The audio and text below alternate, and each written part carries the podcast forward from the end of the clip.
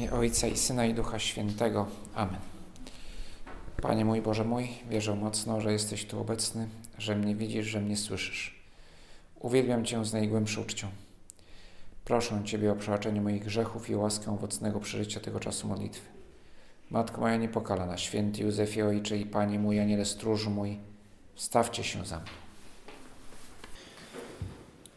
Najbliższą niedzielę usłyszymy historię, która miała miejsce u samych początków publicznej działalności Pana Jezusa. I miała miejsce w mieście, w którym, w którym mieszkał, w Kafarnaum. Przybyli z uczniami do Kafarnaum i zaraz w szabat wszedł do synagogi i nauczał. Zdumiewali się jego nauką.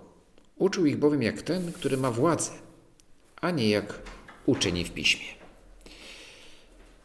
Co to znaczyło? Jak ten, który miał władzę.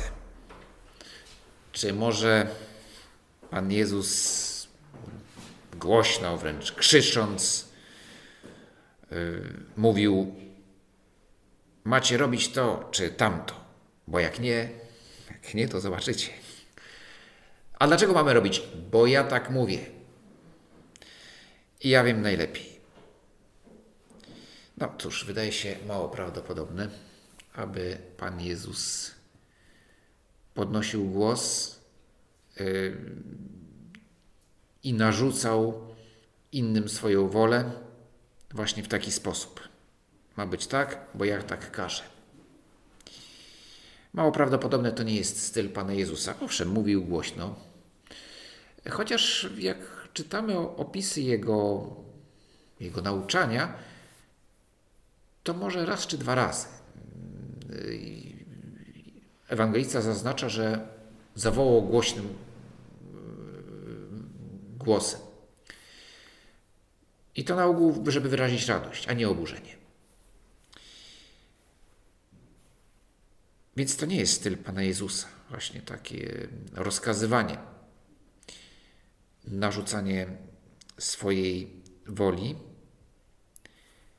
Choć oczywiście, mm, jak później czytamy kolejne, kolejne opisy, to, to mówi rzeczywiście z autorytetem i swoją wolę ukazuje i nakazuje. Daje jakieś nakazy czy zakazy, no ale na pewno nie w sposób taki autorytarny, e, narzucający się. Zresztą, czy mieszkańcy Kafarnaum słuchaliby go, gdyby przyjął właśnie taki styl. Osiedlił się niedawno, był cieślą.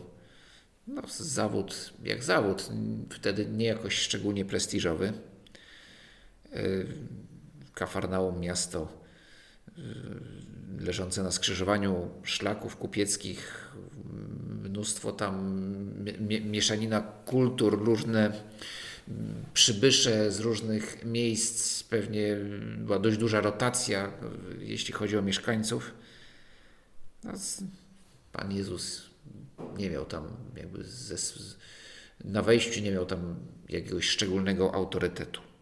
Mało kto wiedział, że, że pochodził z rodu Dawida, co mogło mu dawać pewien prestiż, ale o tym mało kto wiedział. Z relacji ewangelisty można wyczuć, że to zdumienie, skąd on to ma, jaka to, że, to zdumienie nad sposobem mówienia Pana Jezusa jest autentyczne. Nie jest to zdumienie, jak on może być tak bezczelny, jak on może tak do nas mówić, kim on w ogóle jest, co on z Jerozolimy przyjechał, czy co, że, że tak nami tutaj chce rządzić i nam rozkazywać. Nie, raczej jest to autentyczne zdumienie, że on mówi inaczej niż inni i że w tym zdumieniu jest pewna fascynacja, wcale nie złość ani zazdrość, tylko fascynacja, że to jest nowy styl. Mało tego, że ten styl się podoba. Mówi inaczej niż uczeni w piśmie. No, nie wiem, nie mam tutaj relacji, jak mówili uczeni w piśmie, tylko pośrednio możemy się domyśleć, że, że były to takie dywagacje mm, przede wszystkim prawnicze, że co, jak należy postąpić w danej sytuacji, aby być w zgodzie z prawem mojżeszowym. Że to było główna trzon nauczania, nauczania y, faryzeuszów y, uczonych w piśmie. Widać, Pan Jezus mówił w inny sposób. W jaki? I to akurat wiemy dość dobrze. Na czym polegała ta, y, ten jego styl, który tak właśnie zdumiewał? Dlaczego? Mówili, iż mówi jak ten, nauczy jak ten, który ma władzę. Otóż odpowiedź znajdujemy w kazaniu na górze. Stamtąd, y, analizując tą katechezę, najważniejszą katechezę Pana Jezusa, y, możemy się dowiedzieć, dlaczego rzeczywiście mówi jako ten, który ma władzę. I na czym ta władza polegała. To jest jeden z fragmentów y, tej, tej katechezy, kazanie na górze. Słyszeliście, że powiedziano przodkom: Nie zabijaj a kto by się dopuścił zabójstwa, podlega sądowi. A ja wam powiadam, każdy, kto się gniewa na swego brata, podlega sądowi. Powiedziano, a ja wam powiadam. No, konkretnie odnosi się do jednego z dziesięciu przykazań, czyli, czyli jesteśmy w samym w najważniejszej części prawa mojżeszowego,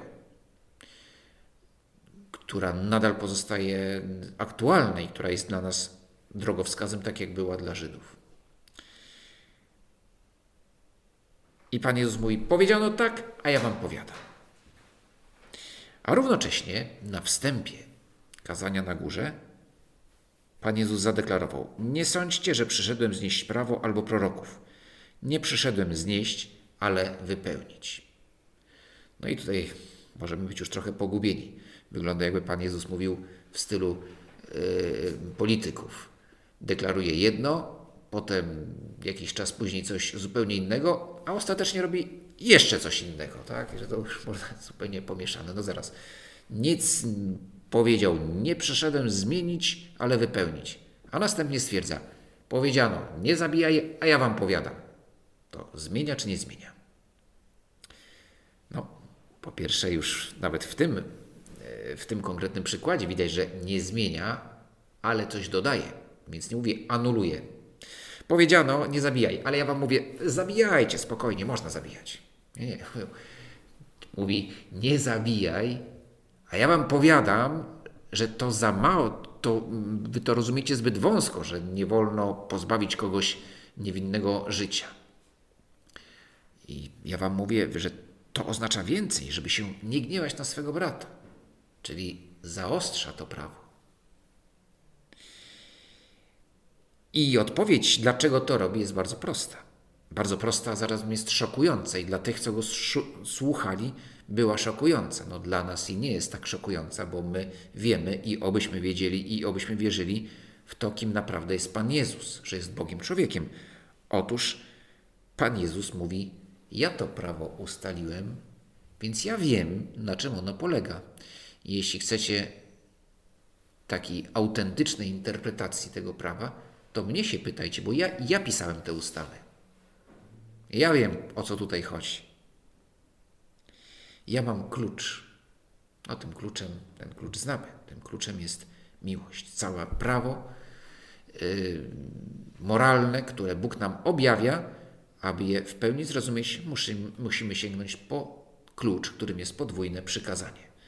Będziesz miłował Pana Boga swego, z całego swego serca i z całej swojej duszy, ze wszystkich sił, a bliźniego swego jak siebie samego. Mając ten klucz, możemy zrozumieć wszystkie inne przykazania i właśnie Pan Jezus mówi, ja, który to wszystko układałem, teraz Wam mówię, tak należy to rozumieć. Można powiedzieć, że to taki Trybunał Konstytucyjny. Ale coś dużo więcej, bo to sąd konstytucyjny jest, to nie są ci, którzy prawo ustalali. Oni mają stwierdzić, co to, to prawo zawiera. Jeśli już, to bardziej to jest Sąd Najwyższy w Stanach Zjednoczonych, który uważa się, że ma, e, ma dość duży, że to nie jest tylko, że oni stwierdzają, jak chcieli twórcy konstytucji sprzed tam ponad 200 lat, ale jak właściwie to powinno wyglądać dzisiaj. Czyli Sąd Najwyższy w Stanach Zjednoczonych ma dużą władzę wbrew, no co najmniej tak twierdzą niektórzy politolodzy, że, że on ma też władzę ustawodawczą. W praktyce, w praktyce wpływa na kształt prawa. Dobrze, mniejsza o to, jak to jest, y, to nie jest najważniejsze w naszym rozważaniu. Natomiast y, możemy być pewni, że Pan Jezus jest i jednym, i drugim. On jest ustawodawcą i sędzią, także on, on tutaj rzeczywiście łączy te, te, te, te dwie władze i może powiedzieć z całym autorytetem: Ma być tak, ja tak ustaliłem, ale Pan Jezus nie neguje swoich ustaw, tak? nie mówi, była taka ustawa, teraz będzie inna, tylko mówi, tak ustaliłem na początku stworzenia. Stwarzając świat, tak ustaliłem. To Wam objawiłem ładnych tysiąc lat temu. A teraz, moi drodzy, mówię Wam, jak należy to rozumieć, abyście rozumieli w pełni. Bo do tej pory tego nie rozumieliście w pełni, tak jak ja zamierzyłem.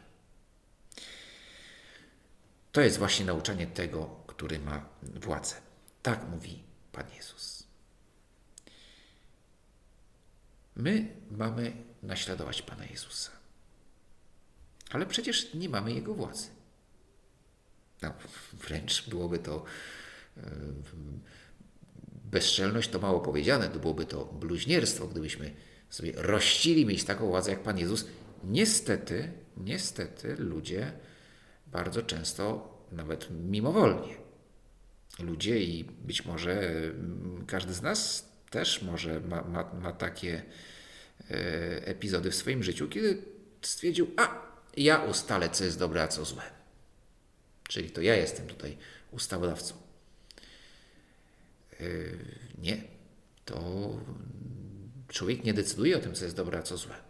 Człowiek dzięki temu wspaniałemu darowi, którym jest rozum, może to rozeznać a konkretnym aktem rozumu jest sumienie. Sumienie, które osądza, co czy dany uczynek jest zgodny z, z prawem Bożym, z prawem moralnym, czy nie. To jest właśnie sumienie, a nie coś, co tworzy, co decyduje, że coś jest dobre lub złe. Otóż, otóż no, nie mamy tej, te, tego autorytetu. My, Panie Jezus, świata nie stworzyliśmy. Ty go stworzyłeś na szczęście. Gdybyśmy my tutaj coś sami to ustalali, to by dopiero był chaos. Ale, ale czy w takim razie możemy mówić z autorytetem? Kiedy Ciebie naśladujemy w Twojej misji nauczania, przecież nas do tego wezwałeś, abyśmy kontynuowali Twoją misję, no to jak możemy mówić z czyim autorytetem? No i znowu Odpowiedź daje sam Pan Jezus, który zanim objawił swą boskość, e, jest postrzegany jako prorok, nie jako Bóg, który stał się człowiekiem. I Pan Jezus o tym wie. Zakłada, wie, że słuchacze na niego tak patrzą, tak go rozumieją. Objawia swoją władzę swoją boską naturę stopniowo, między innymi właśnie w tym kazaniu na górze, kiedy mówi, a ja wam powiadam, no to sugeruje, ja wam powiadam, bo mam do tego jakąś podstawę. Ale co robi Pan Jezus? Podkreśla to, że wszystko, co robi, jest wypełnieniem woli Ojca. Aby na koniec objawić nam, że On i Ojciec są jedno. A więc powołuje się na kogoś innego, z którym jest w całkowitej komunii. Kiedy my staramy się przekazać tą prawdę, którą przyjęliśmy, w którą uwierzyliśmy, która, którą uznaliśmy za drogowskaz nasze, naszego życia, kiedy chcemy ją przekazać, a więc prawdę Ewangelii, kiedy chcemy ją przekazać, co możemy zrobić? Powołać się na autorytet tego, który tą prawdę nam objawił. I wtedy mówię mocą nie moją, ale mocą Pana Jezusa. Żeby było jasne, nie tylko wtedy, kiedy wprost w jakiejś rozmowie, czy, czy, przy, czy w rozmowie osobistej, czy przy jakimś wystąpieniu publicznym mówię o, nawiązuję do, do, do prawd wiary, do Ewangelii. Ale również wtedy, kiedy nie odwołuję się wprost do autorytetu wiary, do autorytetu Ewangelii, do autorytetu Kościoła jako żywego ciała Chrystusa. Ostatecznie nie odwołuję się wprost do autorytetu Boga, ale kiedy mówię, że coś jest z przekonaniem, że coś jest dobre, że tak należy postępować, z przekonaniem nie dlatego, że ja tak sobie wymyśliłem, ale dlatego, że, że zrozumiałem, że pojąłem, że tak należy postępować, bo jestem katolikiem, bo, bo przyjąłem to rozumem i sercem nauczanie Pana Jezusa. Wówczas nie muszę wprost odwoływać się do Boga. I tak mówię z Jego autorytetem, z autorytetem prawdy. Prawda, jeśli mówię prawdę, nie swoją prawdę, ale po prostu prawdę, to wtedy mówię z autorytetem boskim. A warunek jest taki, że ja naprawdę sam pokornie prawdy szukam i staram się ją jak najpełniej wyrazić. Prawdy moralne czy prawdy wiary. I wtedy nie mówię swoim autorytetem, ale mówię z autorytetem. I z pokorą. Jako ci, którzy mają władzę. No teraz mm, właśnie co, co najmniej w propagandzie yy, szczególnie tych tutaj propagandzie no, antyklerykalnej pojawia się takie hasło, że tutaj jest katodyktatura. Że podobno katolicy teraz rządzą. Może rządzący państwem rzeczywiście, co najmniej niektórzy dość mocno i czasami może nawet za bardzo odwołują się do, do, do autorytetu, do swojej wiary. Jak najbardziej. Każdy człowiek powinien żyć, jeśli w coś wierzy, jeśli ma i wyzna jakieś wartości, to niby dlaczego ma ich nie wyznawać, kiedy sprawuje władzę. No tylko tutaj bardziej chodzi o, o, o, o powoływanie się na autorytet wiary czy autorytet Kościoła w celu jakiejś, jakiejś konkretnej realizacji konkretnych planów politycznych, co może być, co może być nadużyciem. Ale zostawmy sferę polityki, a wejdźmy w tą codzienność, naszą codzienność naszą, no może księdza, no, codzienność księdza to jest kościół, więc tam akurat władza jest dość zrozumiałe, że, że oby biskupi powoływali się na Ewangelię. Mam nadzieję, że się powołują i się powołują, no, no, no, no to jest nasz e, autorytet. Ale tam, gdzie, gdzie na co dzień jesteście, na uniwersytecie, czy w różnych miejscach w pracy, to tam ma władzę. No chyba nie katolicy. To naprawdę, że ktoś mówi, że, że, że tutaj jest katodyktatura, no to jeszcze w moich czasach studenckich to trudno było ją zauważyć na uniwersytecie i tak była dużo, dużo większe, była, był, był, dużo łatwiej było przy, przyznawać się do wiary i, 30 lat temu, czy tam 20, e, niż dzisiaj. Dzisiaj bardzo często nie tylko, że nie masz żadnej władzy, ale wręcz przyznawanie się do swojej wiary może się wiązać z poważnymi kłopotami. Na uniwersytetach, w korporacjach, w większości mediów w Polsce, a co to powiedzieć o, o, e, o innych krajach, gdzie laicyzacja jest jeszcze dalej posunięta. Także ta władza, jakaś władza w potocznym rozumieniu, władza polityczna, możliwość narzucania komuś swoich poglądów, jest niewielka i bardzo dobrze. Albo żadna i dobrze, bo nie o taką władzę nam chodzi. E, nie takiej władzy potrzebujemy, aby mówić o Panu Jezusie, aby naszą wiarę przekazywać, aby dawać innym to, co mamy najlepszego. Potrzebujemy owszem autorytetu, ale ten autorytet zdobywamy żyjąc spójnie z naszą wiarą. I to jest źródło autorytetu, który możemy mieć i który powinniśmy starać się mieć. nie inne narzędzia. Nie autorytet państwa czy, czy, czy, czy innej władzy. To czasami może się przydać.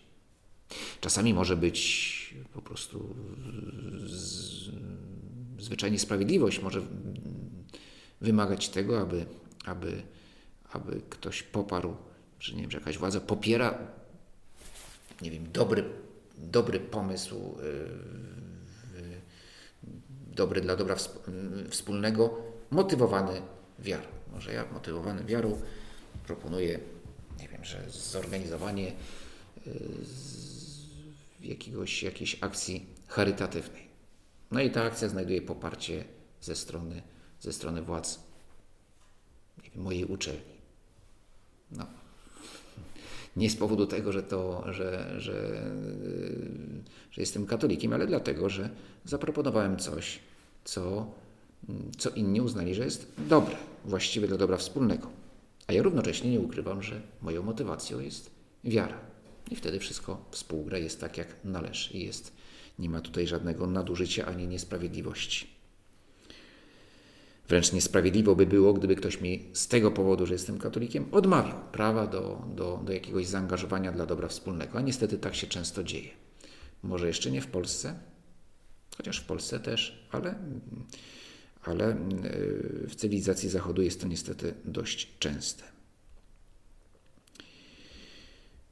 Potrzebujemy autorytetu wynikającego z, z naszej wiary, z tego, że żyjemy spójnie z, z tym, w co wierzymy.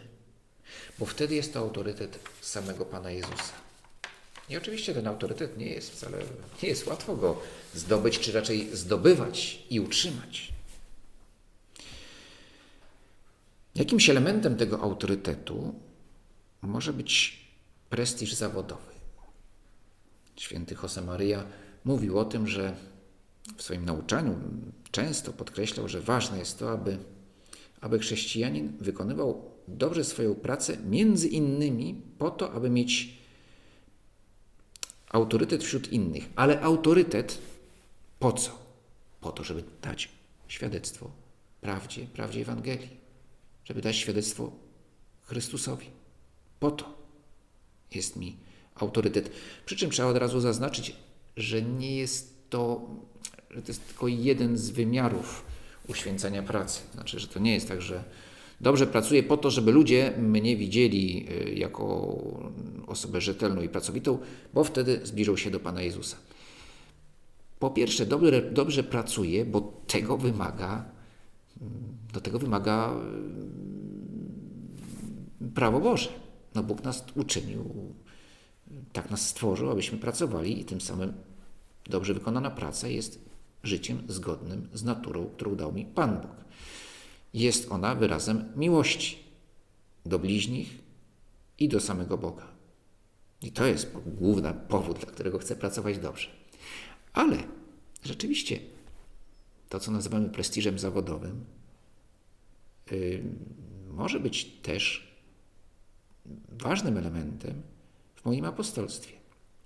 Dlaczego? Dlatego, że jeżeli ktoś widzi, że ja dobrze pracuję, no to i widzi, że ja robię to dlatego, że, że jakby jakimś impulsem do tego jest, jest moja wiara, no to w tym momencie zwraca swoje oczy i już przestaje patrzeć na mnie i mnie podziwiać, bo to jest yy, zgoła niepotrzebne, ale zwraca się ku temu, który dał mi tą siłę, dał mi, popchnął mnie ku temu, aby, abym, abym dobrze pracował, dobrze służył ludziom.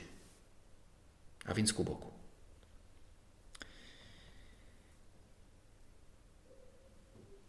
Jeszcze większy autorytet zdobywamy. Autorytet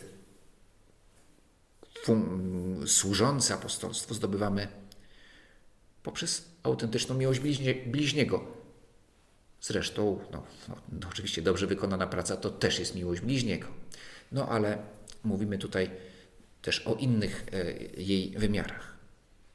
Czy to będzie zwykła uprzejmość, tak potrzebna, tak ważna, tak ułatwiająca życie i mnie i innym. Uprzejmość nie chłodna, taka wynikająca no, z jakiegoś wyrachowania, czy po prostu tylko z, przyzwy, z przyzwyczajenia. Ale z faktu, z tego, z, dla, dlatego, że patrzę życzliwie na innych ludzi i dlatego staram się być wobec nich uprzejmy. Czy to będzie gotowość do pomocy? Yy, I również ponad to, czego wymaga taka najbardziej podstawowa sprawiedliwość. Jak naprawdę, jak, jak wiele dobrego można zrobić, jak też no, miałem kiedyś okazję jechać pociągiem było bardzo ciekawe towarzystwo. Y, jechali na jakąś konferencję właśnie dla organizacji pozarządowych. Była dziewczyna poglądów zdecydowanie lewicowych. Taka typowa działaczka, ruchy miejskie, nie wiem co. Y, to było jeszcze ładnych parę lat temu, kiedy ten, ta, ta, te napięcie nie były tak silne jak dzisiaj. Ale ewidentnie miała poglądy no, na pewno nie mieszczące się w, nawet w szeroko pojętym poglądem na wiele spraw moralnych, które by się mieściły w nauczaniu Kościoła. Ale była zaangażowana społecznie, autentycznie chciała pomagać innym ludziom i w tej instytucji, w której działała, że świetnie się, zresztą po pierwsze rozmawiała ze mną bez żadnego problemu i też mówiła, nie, to ja tutaj bardzo, ja współpracuję, ja nie jestem wierząca, to mamy tutaj, różnimy się w wielu sprawach, ale ale z proboszczem bardzo dobrze nam się współ, współpracuje.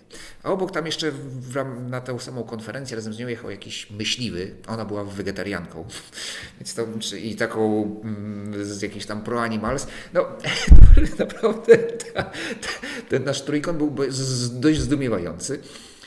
E, I na koniec nas połączyło jeszcze jedno, bo do przedziału weszła policja i przeprowadzili jakiegoś dżentelmena, którego, e, który został, był z, gdzieś, nie wiem, z Kirgizji, czy nie wiem skąd. Obrabowali go i policjanci mówili, czy możemy się nim zaopiekować, znaczy, że mm, oni mu, nie, nie, że go aresztowali, tylko że mu pomogli. I chodziło o to, żeby e, tam kupili mu bilet, żeby pojechał do, do Warszawy, tam do ambasady, nie? I teatry policji, moglibyśmy tam trochę go tam monitorować, prawda, bo ona niby anime po, po, po, po polsku. Także ogólnie co nas połączyło, no potem rzeczywiście żeśmy mu mu, mu, e, mu trochę pomogli tam się odnaleźć. E, w Warszawie tam i, i, i żeby coś. No dobra, trochę mu tam pomogliśmy, no ale byliśmy tak różni, a jednak coś nas, coś nas e, połączyło i, i właśnie ta, ta dziewczyna tak daleko od, od wiary, ale jednak, ale jednak można było znaleźć wspólną płaszczyznę, bo, bo właśnie ona miała dobre doświadczenie z Kościołem, z tym konkretnym proboszczem, który, który zaangażował się mm, w jakąś działalność społeczną. Umiejętność wybaczenia. Jak, jaką to daje siłę? Jak wiele możemy powiedzieć o Panu Jezusie, jeśli umiemy wybaczać. Jeśli ludzie, jeśli mamy wśród naszych znajomych opinię kogoś, kto się łatwo nie obraża, kto nie chowa urazy, który łatwo zapomina, może nawet czasami na tym będziemy tracić, bo ktoś nadużyje naszego zaufania. Ale pomyślmy, ile możemy zyskać. I jak wiele możemy zaszkodzić naszemu apostolstwu, kiedy jesteśmy ludźmi pamiętliwymi, jeśli na kogoś Mm, rok po jakimś incydencie cały czas e, trzymam dystans e, do, do jakiejś e, koleżanki czy kolegi z pracy, bo nie mogę zapomnieć tego, co tam się wydarzyło rok temu. To psuje. Co ja mogę powiedzieć o, o Panu Jezusie, który na krzyżu wybacza wszystkim, swoim oprawcom. I odwrotnie. Mogę o nim mówić. Mogę mówić o Tobie, Panie Jezu, jeżeli staram się Ciebie naśladować. I wreszcie autorytet samej nauki wiary, samej prawdy, którą przyjęliśmy i którą chcemy przekazywać. Prawdy pięknej, prawdy wspaniałej, ale wymagającej studiowania, wymagającej zrozumienia. Dzisiaj jest wspomnienie świętego Tomasza z Akwinu. Człowieka wielkiej wiedzy, wielkiego intelektu, a zarazem wielkiej pokory. Znany był z tego, że w początkowym okresie swoich studiów był milczący. Rzadko się odzywał, także wręcz jego koledzy go traktowali jako takiego trochę tępego. Aż jeden z jego mistrzów powiedział: Uwaga, jak ten tępy wół, tak jak na niego mówicie, kiedyś zaryczy, to cały świat oniemieje. I rzeczywiście święty Tomasz w pewnym momencie zaczyna mówić i pisać, ale najpierw cierpliwie, pokornie słucha. Jest dla nas pięknym wzorem kogoś, kto, kto zdobywa, ma, ma olbrzymi, od razu zdobył wielki autorytet. Może nie od razu, ale bardzo szybko. Ale zdobył go dla, dlaczego? Dlatego, że namiętnie szukał prawdy. I chciał ją wyłożyć i wykładał ją z wielką pokorą. Ciekawe, jeden znawca świętego Tomasza mówi, że w całym jego ogromnym dziele jest tylko jeden, w jednym miejscu mówi ostro o swoim oponencie. Oponencie intelektualnym, to był jakiś tam, z którym się chyba nawet nigdy nie spotkali, e, ale mówi o jakiejś błędnej opinii i że nie wytrzymuje, napisał głupiec. Była największa obelga, jaką w całym, w całym ogromnym dziele Tomasza Zakwinu, a poza tym rozważają różne kwestie, nie zgadzając się, odrzucając błędne opinie, ale zawsze stara się je zrozumieć i zobaczyć, to jest tak, no chyba jednak nie tak, to jest, tu zastanówmy się nad tym, nie, chyba tam Iksiński czy Kowalski, no akurat z polskimi uczonymi nie miał zbyt wielu do, do czynienia, choćby dlatego, że ich też jeszcze wtedy za wielu nie było, e, ale, e, e, ale, ale że no, z pokorą szuka prawdy. I to był moc, to mu dawało moc, ale przede wszystkim moc czerpał z krzyża, czerpał z miłości do Pana Jezusa. Wielki intelektualista, który równocześnie każdego dnia spędzał wiele godzin na modlitwie, pokornej modlitwie. Yy, bo, bo wiedział, że, że cała jego mądrość jest niczym w porównaniu z mądrością Boga iż cała mądrość jego będzie niczym, jeśli nie będzie pokorny.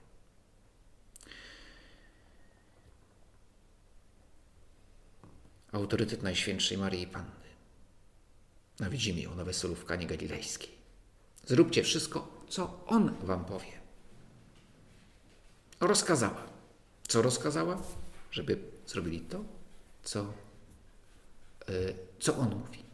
I to jest wzór dla nas nie mocą swojego własnego autorytetu to mówi. Albo raczej swój własny autorytet, który miała wobec sług. Ci słudzy ewidentnie ją traktowali jako osobę, która może im rozkazać. Widać, że miała autorytet, prawdopodobnie autorytet szanowanej gospodyni.